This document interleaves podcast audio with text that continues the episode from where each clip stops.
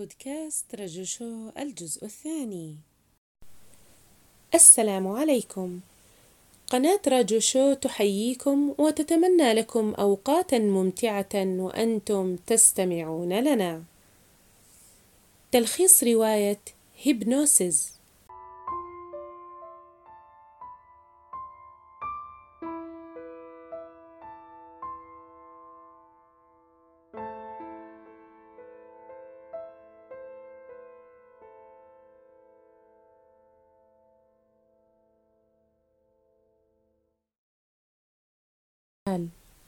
صراخ صراخ صراخ صراخ أخته بجواره وصراخ أهالي القرية الرصاص الأباتشي.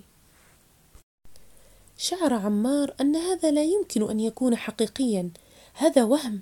شعر بالانفصال عن الواقع وأحس بالغثيان ودوخة غريبة مفاجئة ثم راحت الأصوات تخفت وتبعد وأحس أنه ليس هنا إنه ليس هو.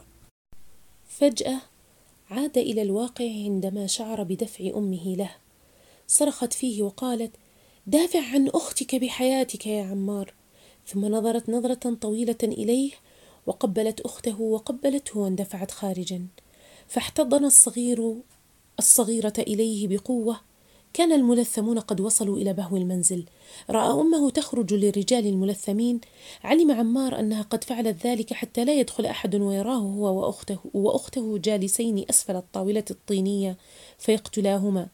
سمع صوت ضربة قوية وراح أحدهم يعدل مزلاج السلاح ثم تبعها صوت ضحكات وتهكمات غير لائقة. قالت أمه للرجال الملثمين لا يوجد أحد بالمنزل سواي. زوجي خرج إلى الحقل. ثم سمع عمار صوت أحدهم يدخل المطبخ ويتفحص المكان وحاول ألا يصدر صوتا هو أو أخته الصغيرة فوضع يده فوق فمها كي لا تصدر أي صوت. رغم اختناقهما من الغبار الأسود المتطاير في كل مكان حاول ألا يسعل ثم تسلل هاربا عبر فجوة موجودة بالجدار القشي الذي بجانبه. عندما أطل للخارج كان المنظر الذي رآه فظيعا قطعة من الجحيم. رأى وهو يركض رجل مصاب يتلوى وقد احترق نصفه ورأى رجل آخر يصارع الموت وسط بركة من الدماء ورأى رجلان آخران يحملان جثة متفحمة ورأى أطفالا تبكي وحدها ولا أحد يكترث لها. ومسجد محترق وأمامه جثث عديدة يبدو أنها حاولت الاختباء فيه أثناء القصف ونيران متوهجة في كل مكان. اكتفى بما رآه وراح يركض وهو يبكي. واضعا أخته على كتفه يمسكها بيد واليد الأخرى يحاول الحفاظ عليها كي لا تقع ارضا عن كتفه. كان صوت الرصاص الذي لا يريد أن يتوقف وصوت بكاء أخته قد أصم أذنيه وزاده ارهاقا وتعبا حتى كاد أن يقع ارضا. وتساءل بإحباط وجنون ألن تخرس تلك اللعينة؟ في تلك الأثناء شعر بوخز شديد أعلى كتفه وتدفق سائل دافئ على ظهره. لم يفهم ما هذا لكن لم يكن لديه وقت ليتفقد نفسه. كان عليه أن يبلغ الجبل هناك سريعا ومن خلف الأشجار المحترقة أطل على القرية وراح ينظر إلى هناك بلا مبالاة. رأى صخرة بارزة أعلى الجبل وداخلها تجويف فراح يعيد لف غطاء أخته ووضعها داخل التجويف ثم ارتمى إلى جوارها وصدره يعلو ويهبط وأنفاسه تتلاحق بشدة ثم التفت لينظر إلى القرية التي لم يتبقى منها شيء. وضع يده مكان الوخز وإذا بكتفه مليئة بالدماء تحسسه بأصابعه ثم شعر بثقل شديد في جفنيه ورأسه يزداد ألما وثقلا شديدا غاب عن الوعي بعد أن قال بصوت خافت حزين مبحوح وهو يستنجد أمي يبدو أنه احتمل فوق طاقته. انتهى عمار من التذكر وراح يبكي بشدة. ويقول لقد كنا أناس مسالمين أمي لم تكن متمردة. حين اغتصبها الملثمون وقتلوها بدم بارد وأختي الطفلة لم تكن متمردة عندما قتلت. وأصدقائي وأهل القرية كذلك لم يكونوا متمردين.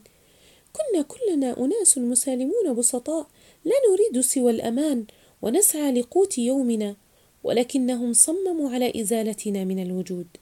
ثم نظر لي نظرة ثاقبة وحادة وقال يومها فقدت الوعي وعندما استيقظت وجدت نفسي في مستشفى المدينة أخبروني أن رصاصة اخترقت ظهري وأنهم قاموا بعملية جراحية دقيقة لاستخراجها وإنقاذي وقالوا لي إن أختي الصغيرة وجدوها مصابة بحروق خطيرة وحاولوا إنقاذها لكنها لم تنجو.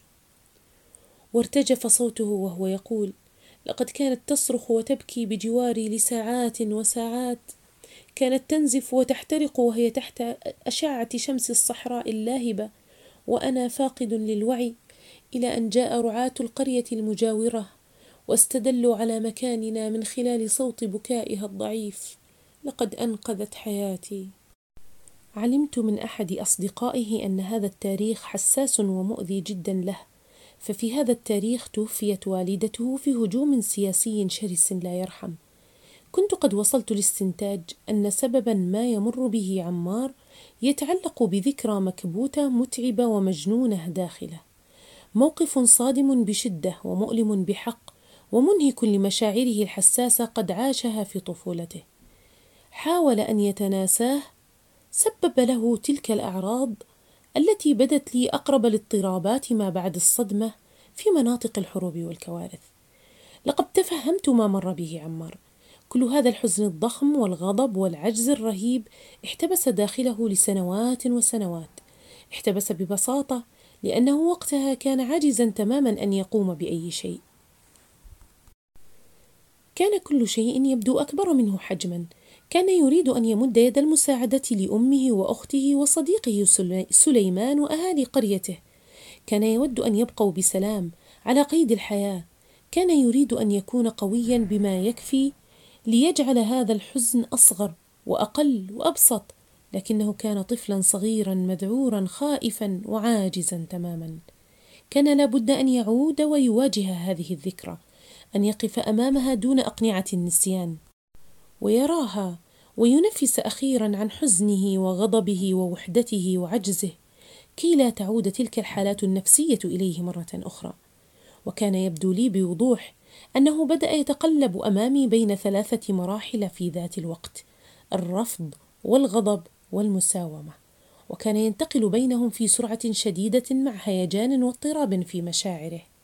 ومع كل ذلك كنت أشعر بقوته فهو شاب ذكي وكنت أدرك في قرارة نفسي أنه سوف يتصالح قريبا مع ماضيه ومع نفسه مهما تألم وشعر بالغربة. فإنه سوف يستطيع أن يتعدى كل هذه الصعاب ويشد قامته للأعلى ويعود كي يسير في حياته بيسر وثقة بالنفس وقد تأكدت من ذلك الإحساس حين مسك بيدي وشد عليها حين ودعني. وحين ودعني ناظرا لي بملامحه الهادئة وتعابيره الباردة وقال لي بالرغم من كل هذا الذي حصل فإنك قد ساعدتني جدا يا دكتور وأنا شاكر لك هذا هو ذاته الشاب الذي كان يبكي قبل قليل أسرته وأصدقاءه وعشيرته. شخص قد خسر كل شيء فعلا ومع ذلك لا يزال واقفا أمامي بعينيه الهادئتين ويشكرني على مساعدته.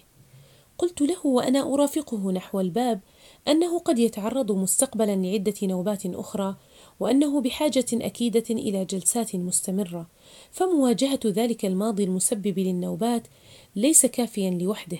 عليه أن يبقى مع متخصص يشرف عليه لأنه قد يتعرض إلى مؤثرات أخرى قوية تحفز هذه النوبات لديه لكنه نظر لي باسما وصمت لي لحظات مطرقا رأسه للأرض ثم قال بصوت هادئ أترى حين أفقأ عينيك ثم أثبت جوهرتين مكانهما هل تستطيع أن ترى؟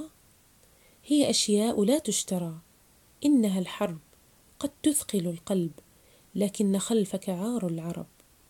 لا تصالح ولا تتوخى الهرب لم أفهم حينها ما قال ليتني فعلت. وبعد فترة من زيارته لي اندلعت الانتفاضة الشعبية في قلب خرطوم. لقد توقع الجميع ذلك لكن ما لم يتوقعوه حقا. هذا الحشد الهائل من الناس. طلاب جامعات وطالبات مراحل ثانوية عمال موظفين جميع الطبقات والمستويات المادية والثقافية والسياسية أيضا. لكن ما ميزهم؟ أنهم كانوا جميعا رجالا ونساء شبابا واطفالا وكان خطابهم هو حرية سلام وعدالة الثورة خيار الشعب. كانت الشوارع تغلي حرفيا. إطارات وأوراق ولافتات وهتافات. ويبدو أن الحكومة ذعرت فعلا لأن ردها كان مخيفا جدا. وفي ذات يوم يا سيدتي وبعدما تأكدت أن زوجتي كانت قد نامت جلست في غرفتي التي كنت قد جعلت منها مكتبا بسيطا ومتواضعا. أضع عليها مراجعي وأوراقي التي أجلبها من المكتب أحيانا. أدرت في ذلك اليوم بعض الموسيقى الخفيفة لأستمع إليها أثناء ممارستي لعملي.